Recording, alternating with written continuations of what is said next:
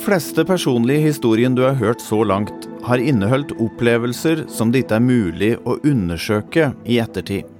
Om vi skal tolke dem som uttrykk for at det finnes dimensjoner og virkeligheter som bare noen av oss får glimt av i det daglige, så må vi bare stole på dem som opplever det slik. Men det fins fenomen med flere involverte, der tørre fakta står igjen etter hendelsen, og der det er langt mindre rom for å tolke det som har skjedd. Og nok en gang viser det seg at noen som bor like ved meg, har merkelige erfaringer å fortelle om. Mitt navn er Torbjørn Dyrud, og dette er episode fem av Mer enn gjerne.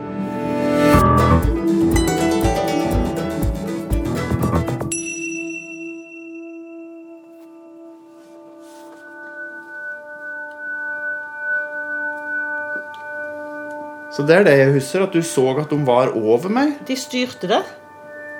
Det var det. Så jeg følte at de litt tøysa litt med det. De dro i hver sin ende. Så du hadde ikke helt kontroll på din egen musikk. På Kapp på Toten, der jeg bor, ligger stiftelsen Stensveen. Et av landets viktigste ressurssenter for mennesker med utfordringer knyttet til kjønnsidentitet. Stensveen drives av Harald Sundby og Marion Arntzen, som du akkurat hørte stemma til. For ti år siden fortalte Marion meg om en forunderlig opplevelse hun hadde under en konsert der jeg spilte. Nå har jeg besøkt av Marion for å prate om dette, men så fort jeg satte i gang opptaket, så begynner hun å fortelle om noe helt annet, noe hun opplevde for snart 30 år siden. Men før vi snakker om det, så har jeg litt, noe som jeg ikke har fortalt så mye, egentlig. Som jeg kunne tenke å fortelle til deg, da. Mira var nummer tre. Når jeg skulle ha henne, så var det en relativt heftig fødsel. Uh, uh, ikke så vant til å snakke om dette. Uh, og den holdt dro ut i det vide og det breie. Og det var sånn smerte. ikke sant? Du har en smerte. Og så plutselig det var sånn, Og da når det plutselige kom, så tenkte jeg nå skjer det igjen. Men jeg kan ikke huske at jeg opplevde det før. Men det var som plutselig gikk opp i høyre hjørne av fødestua.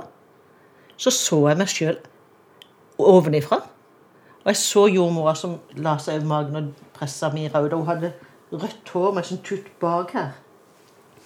Og det som gjorde det enda rarere, var at eh, når Mira ble født, så spruta det ut bloddråper. Så ligger jeg, ikke sant, hvis jeg, dette er senga, da, så ligger jeg i senga, så stender legen inntil veggen der, og så kommer det bloddråper på de hvite treskoene hans.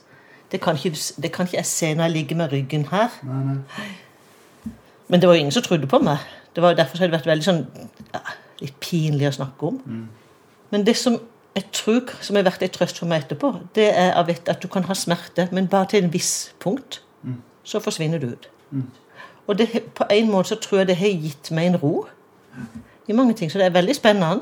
Du fortalte det til noen etterpå? Ja, og da det. sa de ja, men det er jo midt i fødsel, og du har sikkert fått altfor mye likeglad, og du har fått ditt og datt. Men det var ikke det. For det, det kjenner jeg jo i hjernen. Jeg kjenner jo at å, nå slapper jeg av, nå er det bra. Men det var den der følelsen av når, tank, når det, det var så vondt, og så tenker jeg nå skjer det igjen.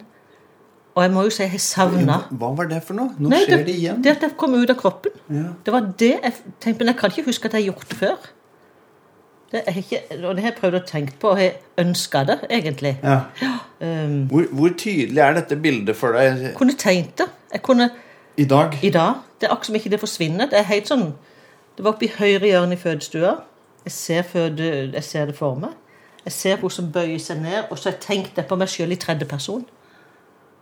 Der er, Mari, der er Marion. Der ligger hun. Se, det ligger hun, Marion. Ja, nå må hun puste snart. Nå må hun puste. Er det noen distinksjon på denne opplevelsen og på, og det andre minnet? Ja, ja. Fra samme Nei. situasjon, altså da, da ja. Myra var født, da? Ja, øh, ja da, da, var det liksom bare en hverdag. Altså, det var bare en Da fortsatte vi jo. Myra ble lagt rett i kuvøse etterpå, for at hun, fødselen var så heftig. Men det som var litt vanskelig for meg, det var at ingen trodde meg. At uh, når jeg sa det, at jøss, så rart, så så jeg alt ovenifra. Jeg så det opp fra høyre hjørne. Så bare liksom Men kommenterte du det med blod? Med ja, blod? som jeg så det, at legen fikk blod på skoen sin. Ja, ja, ja. ja. Det var bare sånn. Dette var i 84, så Og jeg, jeg har jo vært litt sånn, ikke sant. Jeg har ikke vært uh, noe trosmenneske. Jeg har ikke vært noe kirkemenneske eller har noe forhold til religion eller noe sånn. Og i hvert fall ikke da når jeg bodde på Sørlandet. Da var jeg litt sånn anti. Ja, nettopp. Sånn skikkelig så dette er bare helt Men når du opplever det sjøl, så er det jo ikke helt vilt lenger. Da er det liksom plutselig der. Folks religiøse eller spirituelle bakgrunn gir ingen pekepinn på hvem som opplever grenseoverskridende fenomen. Marion understreker at hun ikke har vært noe trusmenneske, men dette er en klassisk ut-av-kroppen-opplevelse med mange kjente elementer. Smerter som bare forsvinner, detaljerte beskrivelser av hendelser sett ovenfra, tredjepersonsperspektiv på sin egen kropp, insisteringa på en helt annerledes opplevelsestype og det glassklare minnet om hendelsen. Men andre ting Jeg har opplevd mye rart etterpå. sånn, Jeg vet ikke om det har sammenheng. Men det var en annen ting. Var, da hadde vi flytta opp her til Toten. Da var jo Mira De var ikke så gamle ungene, men det var jo noe, annet, var noe helt annet enn det. Og det var min mor som ringte fra Vennesla opp her til. Og min far hadde begynt å få alzheimer. Og så hadde han lånt ei bok av en kamerat, ei gammel antikvarisk bok eh, som Nicolai Wergeland hadde skrevet. Og den fant ikke pappa igjen. Og mamma visste ikke om at han hadde lånt den. Og så ringer hun til meg. 'Vet du hva skam vi gjør for når vi finner ikke denne boka?' Og da kom det sånn, Hvis du lukker øynene og åpner de og lukker de igjen, så ser du et bilde. Så så jeg bare bildet at den lå i en tøypose bak sofaen hjemme hos mamma og deg i Vennesla. Og mamma sa ja, men jeg leide overalt, så det trodde hun ikke på. Så gikk det fem minutter, så ringte hun opp igjen, og da bare grein hun. Og hun skjønte ikke åssen Jeg skjønner det, jeg kan ikke forklare det. Det er som et bilde. Sånn. I likhet med Heidrun Nagel i forrige episode klarer ikke Marion å forklare hva som skjer. Begge får opp bilder av noen eller noe som seinere blir bekrefta som sant. Og bilden dukker opp helt spontant og øyeblikkelig. Kommer det opp som et slags mentalt bilde, dette her også? Ja, det gjør egentlig det hos meg. Det liksom og det er helt sånne... umiddelbart, eller? Ja, det er umiddelbart, og det svarer jeg rett ja på. Og det er det det er. Med en gang. Det er umiddelbart. Og det er ofte det jeg kan på en måte Hvis jeg driver sånn fram og tilbake, da vet jeg ikke. Men det er ofte altså, Hvis noen spør meg om noe jeg ikke kommer Ja, da kommer det sånn. Ja. Både Heidrun og Marion reserverer seg litt når de skal fortelle om dette. Marion sier til og med at hun ikke ville trodd på dette hvis det var noen andre som hadde fortalt henne om det hun sjøl opplever. Du virker jo som du er, eh, at du er åpen, da. Relativt, men ikke sånn til eh, Jeg syns det er litt flaut. Ja. Jeg synes det er litt sånn, eh, For at jeg har jo ikke trodd på dette sjøl. Det er jo litt rart. Og, og, det der med å se ting Jeg har jo en, en del historier om det, og det har jeg fortalt, men uh, jeg har ikke lyst til å bli for Hva skal jeg si jeg kan ikke styre det, så jeg kan liksom ikke si at uh, nå kan jeg gjøre det og det. Men jeg har jo hatt en del opplevelser om det, og nå sier jeg det jo mens det er lyd på her, faktisk. Hører jeg på meg sjøl. Mm. Sånn som uh, en venninne til min søster. Det var jo etter den boka som jeg fant for min mor, da, eller den bak sofaen der. Mm. Så ringer søstera mi og sier du vet du nå, venninna mi har flytta, og hun tror jeg kasta alt sølvtøyet til bunaden sin i flytteprosessen. Mm. Kan du hjelpe? sier hun da.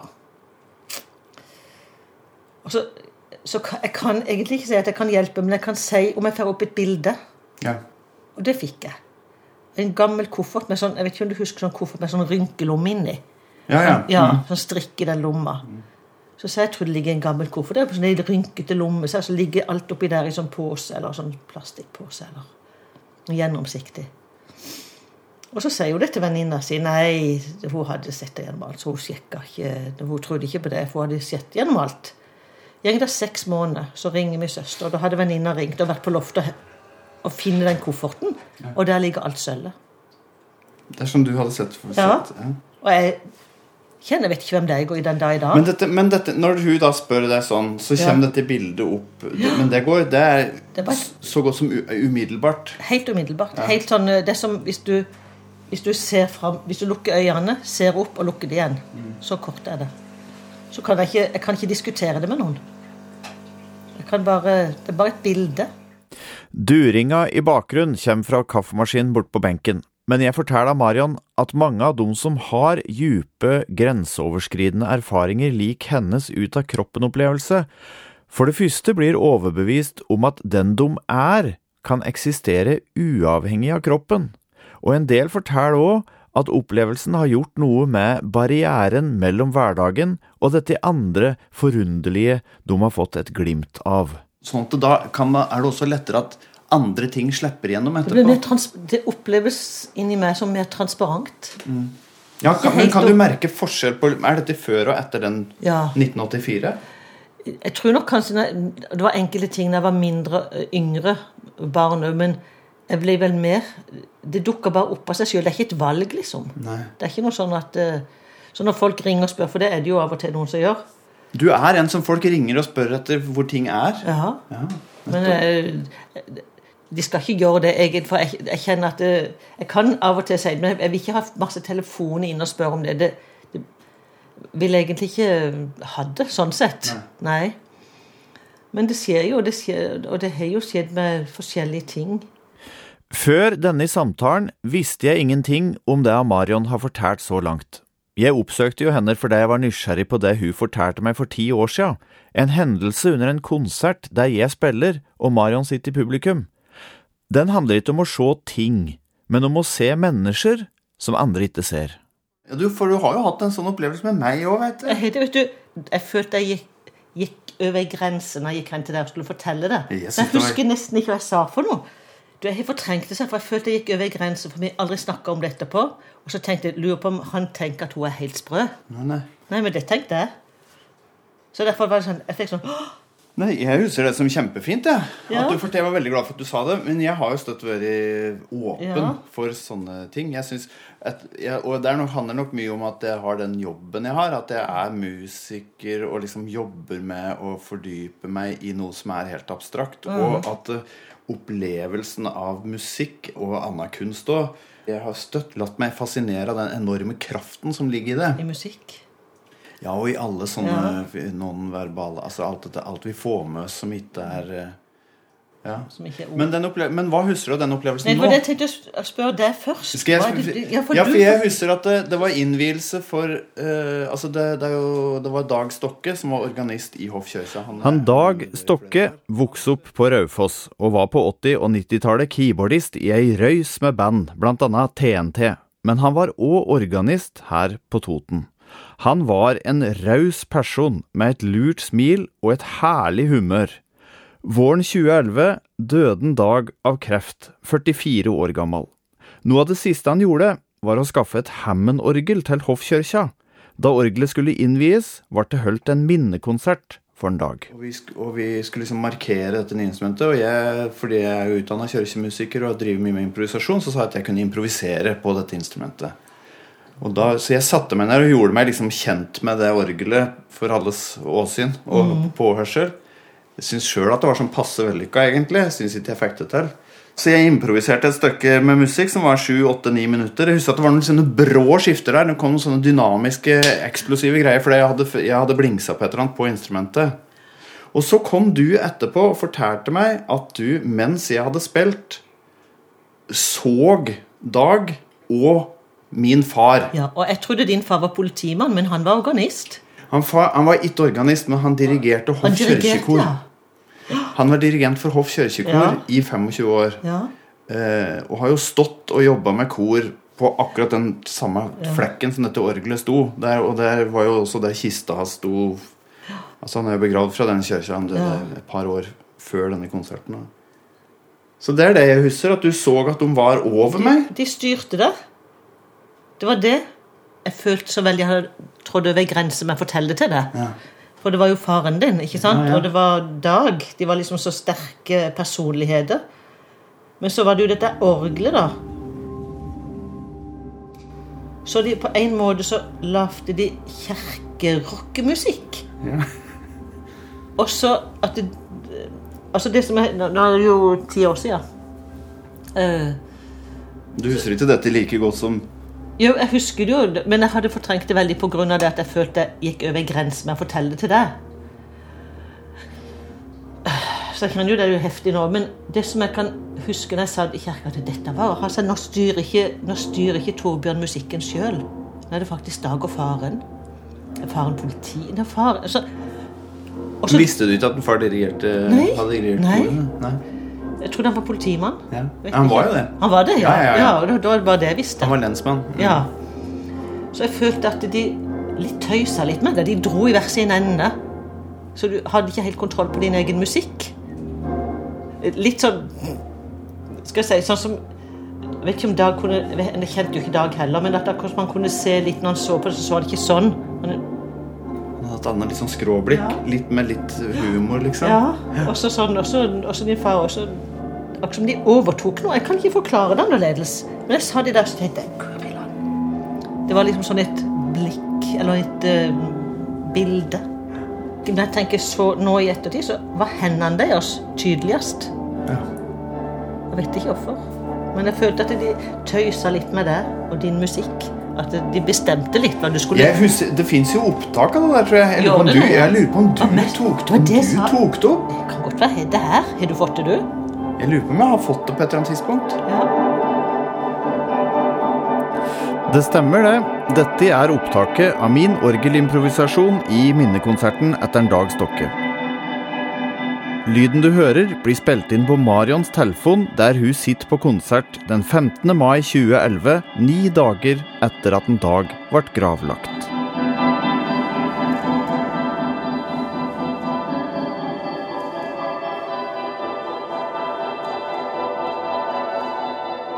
Jeg husker to ting. Jeg syns ikke at jeg fikk det til. Jeg syns ikke jeg fikk noe særlig flyt. Nei? For det er liksom det som kjennetegner opp en god opplevelse av å improvisere, er jo at du får flyt Ja. og opplever at musikken nesten spiller seg sjøl. At du egentlig liksom bare justerer litt Jo, den. Men det, jeg hadde ikke den opplevelsen. Nei.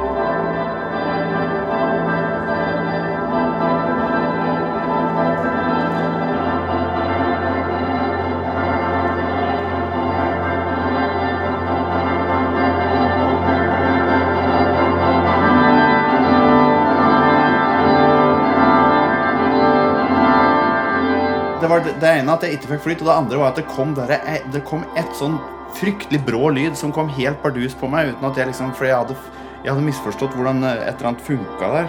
Kanskje det var det som var eh, rockedag som skal gjennom. Skal du se at det, er, at det egentlig var det.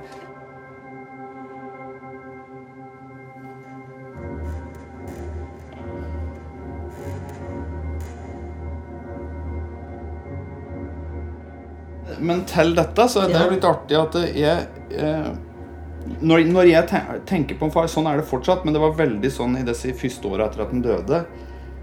Nesten utelukkende i situasjoner hvor det hadde skjedd et eller annet som var litt artig eller komisk. Altså i forbindelse med humor. Da tenker jeg på en far. Og det var det jeg syns det var jeg skal, Hvis jeg skal mimre tilbake Nå vet jeg ikke om jeg har Harald Husk, som jeg sa da. Eh, og jeg fortalte, for fortalte jo rett etterpå at det var det rareste konsertet jeg har vært på. For det her var det faren til Torbjørn, altså Dag, som eh, sto liksom sånn så, sånn, sånn De så ikke rett på det, bare sånn. Det Sto sånn skrått og så Ja. på og småflirte, Ja. liksom. Det er jo litt, Det er litt ugagn. ja, litt sånn eh, litt frekk. Dette er moro, Marion. Ja. Og dette er jo helt uforklarlig. Folk vil jo tro at jeg er gal i hodet hvis jeg skulle sagt at det her var det Dag og faren som styrte Torbjørn litt. Så det var liksom litt sånn Vi driver og småerter på med det her gamle, nye orgelet. Det at Amarion har en så intens opplevelse av en hendelse der jeg er direkte involvert, gjør så klart dette ekstra fascinerende for meg. For det er ingenting med verken hendelsen eller opptaket som står ut i mitt minne, utover at det betydde mye å få være med på en minnekonsert for en dag som var et spesielt godt menneske og en fin musiker. Marions opplevelse kan ikke bekreftes av noen andre. Det er bare hun som har sett det hun har sett. Men i innledningen til denne episoden sa jeg at det fins fenomen med flere involverte, der tørre fakta blir stående satt etterpå. Historien om boka bak sofaen og bunadssølvet i kofferten er for så vidt slike historier, men den siste opplevelsen Amarion deler med meg, er kanskje den mest forunderlige.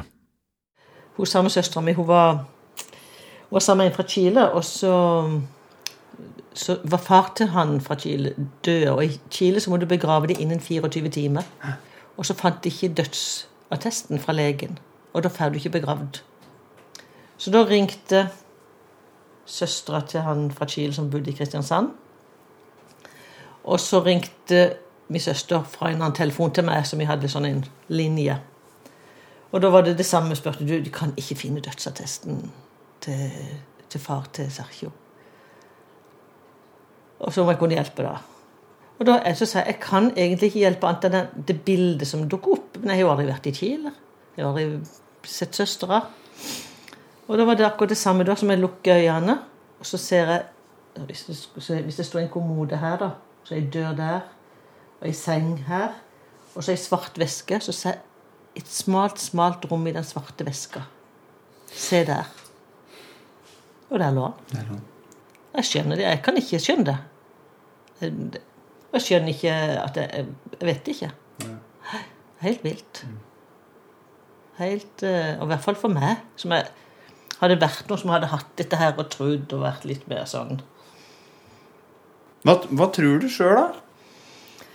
Jeg tenker jo kanskje at verden er ikke så jordnær som vi vil ha det til. Hvis vi kaller hvis jordnær er at vi skal bare liksom her skal vi gjøre sånn og være i den boksen. Jeg tenker at det er mye, verden er mye større.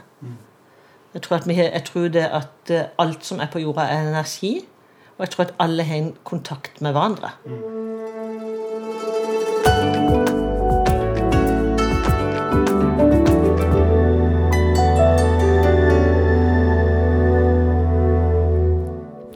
Den første som brukte uttrykket 'stream of consciousness', var den amerikanske filosofen og psykologen William James.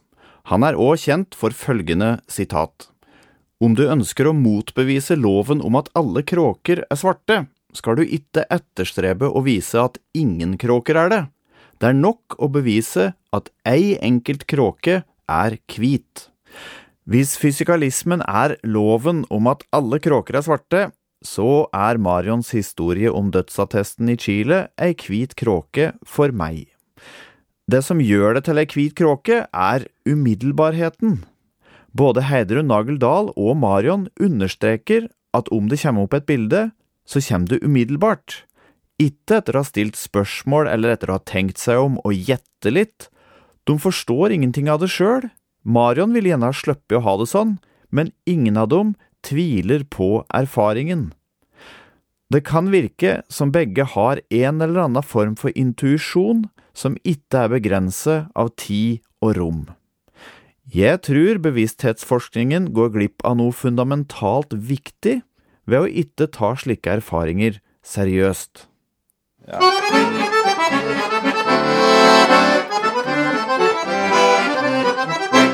Trenger ikke å spille høyere enn det, altså. Nei. Ja, nei, men det, vi, vi tar det når det kommer så langt. Ja. ja ok. Jeg må prate litt mer om improvisasjon og musikk ettersom det faktisk er det jeg egentlig driver med, og jeg har besøkt en god venn av meg som heter Stian Karstensen. Men vi kan jo begynne egentlig um, med kreativitet. Er det mulig for oss å si noe om hvor musikken kommer fra, og åssen den oppstår? Altså, du, du sier det med at det av og til sånn ting kommer til deg som har en sånn formfullendthet, og som er sånn perfekt, så, så tenker du at det er noe som ligger der, som er der fra før.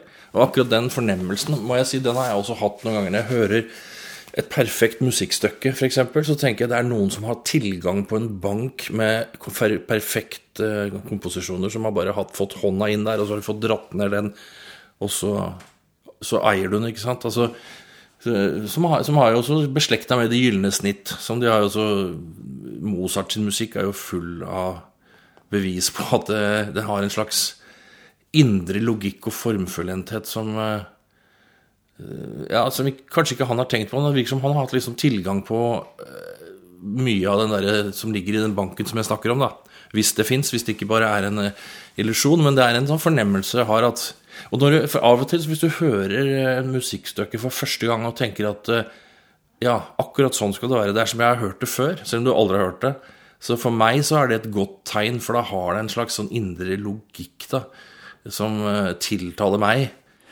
Platons idélære kan danne bakteppet for denne banken Stian prater om. Nok en gang Store norske leksikon. En platonsk idé utgjør et grunnlag for både virkelighet og erkjennelse. Om du prøver å tegne en sirkel, vil den aldri være perfekt. Faktisk har ingen av oss laget eller sanset en perfekt sirkel. Likevel er vi i stand til å etterstrebe den og å vurdere forsøk på å nå denne perfeksjonen. Det er ideen sirkel som gjør dette mulig.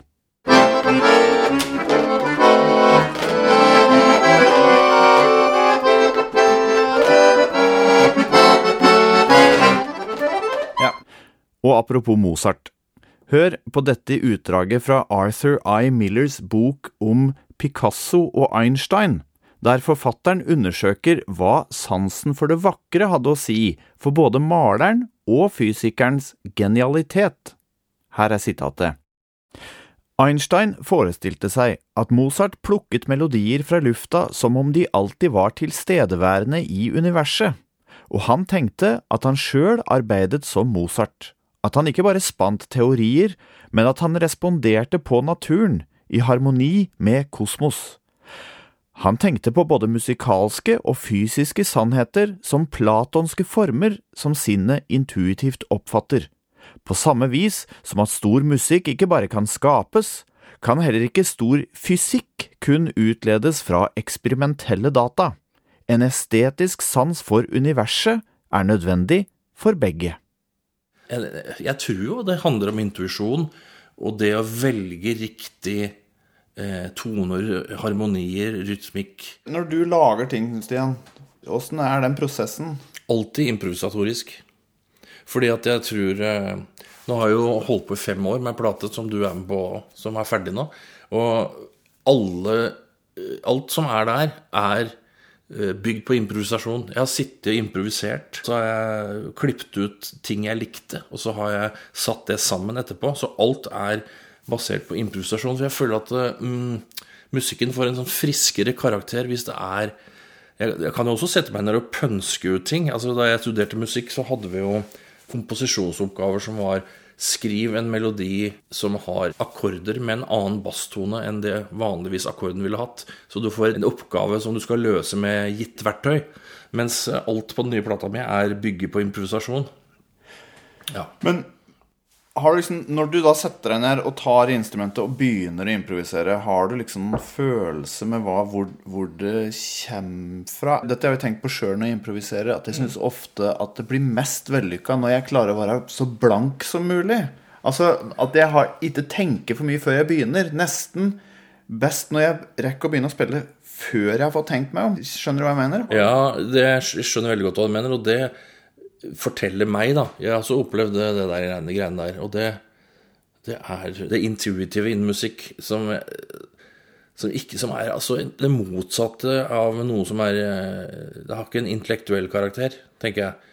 Det er altså bare Altså, folk som spiller blues, kaller det for feeling, ikke sant? Og det er ikke så gærent, det. Det er Jeg tror instinkt og reptilhjerne som som jobber sammen, og som, eh, som gjør at du får eh, altså den der opplevelsen av å improvisere. Og hvis du greier å overraske deg sjøl, eh, det kan da trigge ting som du ikke visste du noen gang kom til å spille. Og når, når, det har skjedd meg, de gangene det har skjedd meg, så, så er det utrolig inspirerende. At du må overraske seg sjøl. Og det høres ut som er det mulig å overraske seg sjøl? Eh, man skulle tro det ikke var mulig, men jeg tror absolutt på at det er mulig, altså. I disse øyeblikka der når du virkelig får Dette må jo være flyt, da. Ja, flyt. Når, du får flyt, i hvilken grad styrer du det? I hvilken grad er det du som gjør det, eller noe annet som har tatt over? Har du, ja, har du noe formening om det? Helt klart noe annet som tar over.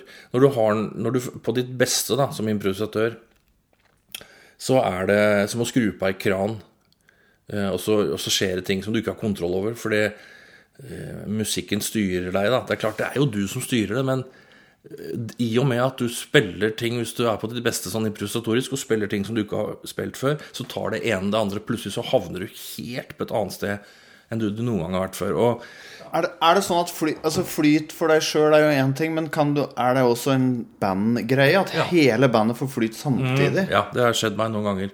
Og det er jo helt ufattelig, for at eh, alt som skjer, er sånn meisla ut i stein.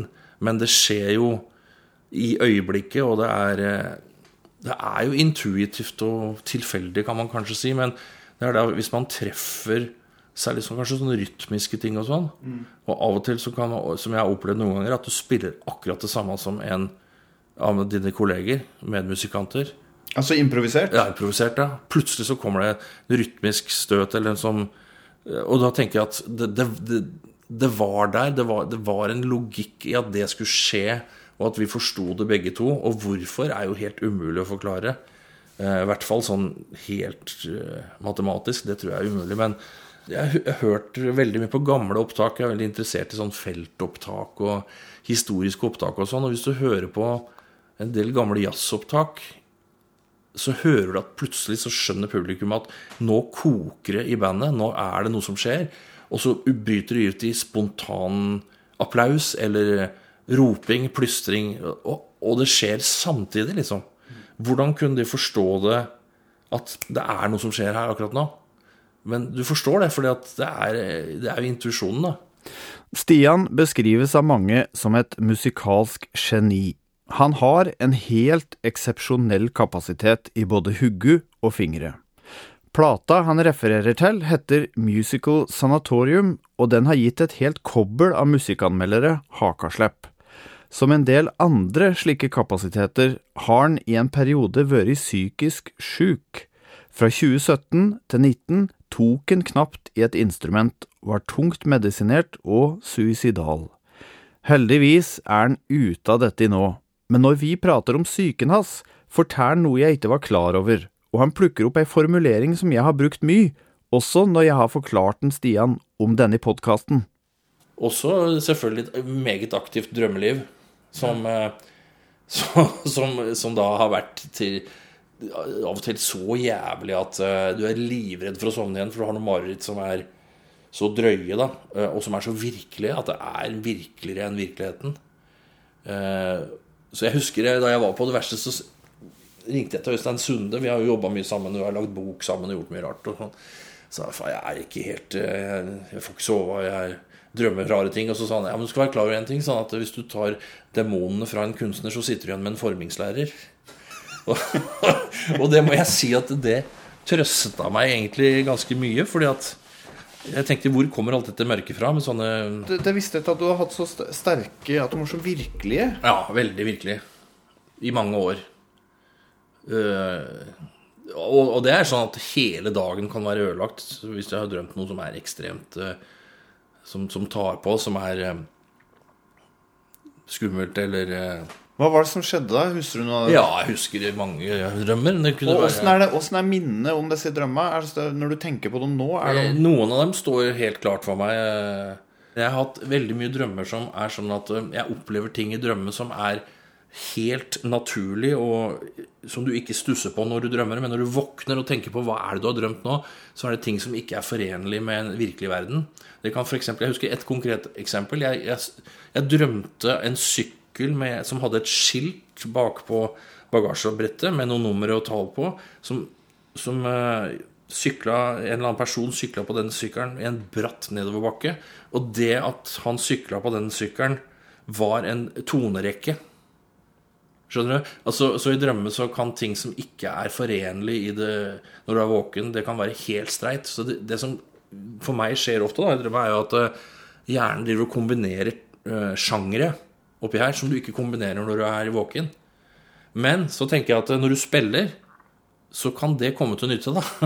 For da kan du bruke referanser fra en poplåt du hørte i 1983 med et Stravinskij-sitat og spille det som en bebop-frase. Altså, det derre å kombinere jeg, jeg tenker liksom å lage ny musikk nå handler mye om å ta byggesteiner og kombinere det på en annen måte enn det har vært gjort før. For det er jo så mye som er gjort innen musikken. da Det tror jeg er det i hvert fall jeg skal jobbe med framover. Og det er den plata mi som kommer snart, og er basert på det. da eh, Referanser som spleises, som ikke har vært spleisa før.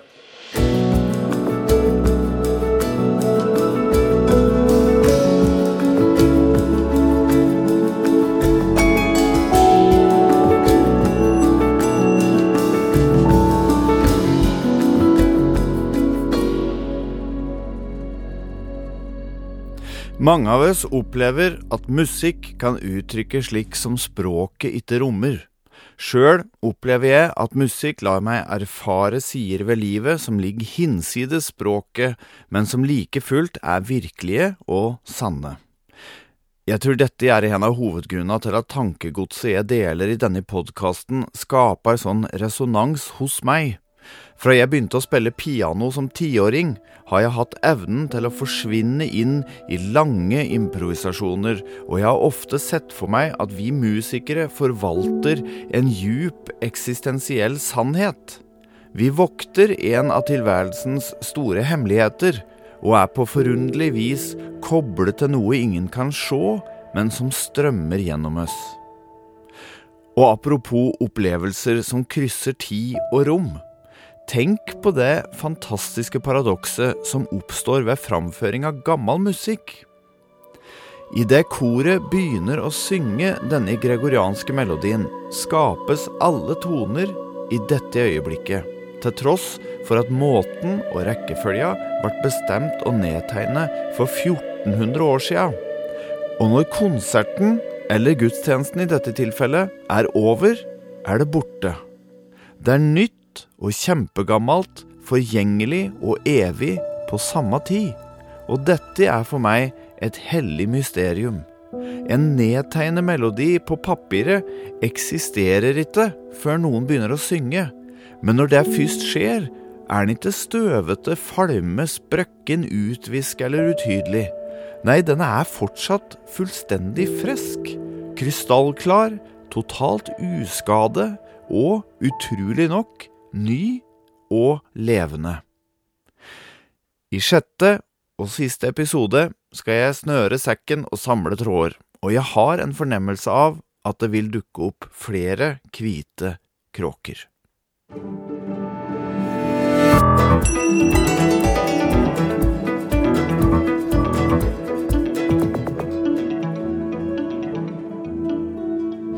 Du har hørt femte episode av Mer enn gjerne. Stor takk til dem som ble intervjuet i denne episoden. Marion Arntzen, Stian Karstensen og Heidrun Nageldal. Opptaket fra orgelimprovisasjon i Hoff kirke ble gjort av Marion Arntzen, og det var jeg som spilte. Mitt navn er Torbjørn Dyrud, og det er jeg som har gjort intervjuer, skrevet tekster, komponert musikk og klipt sammen det hele.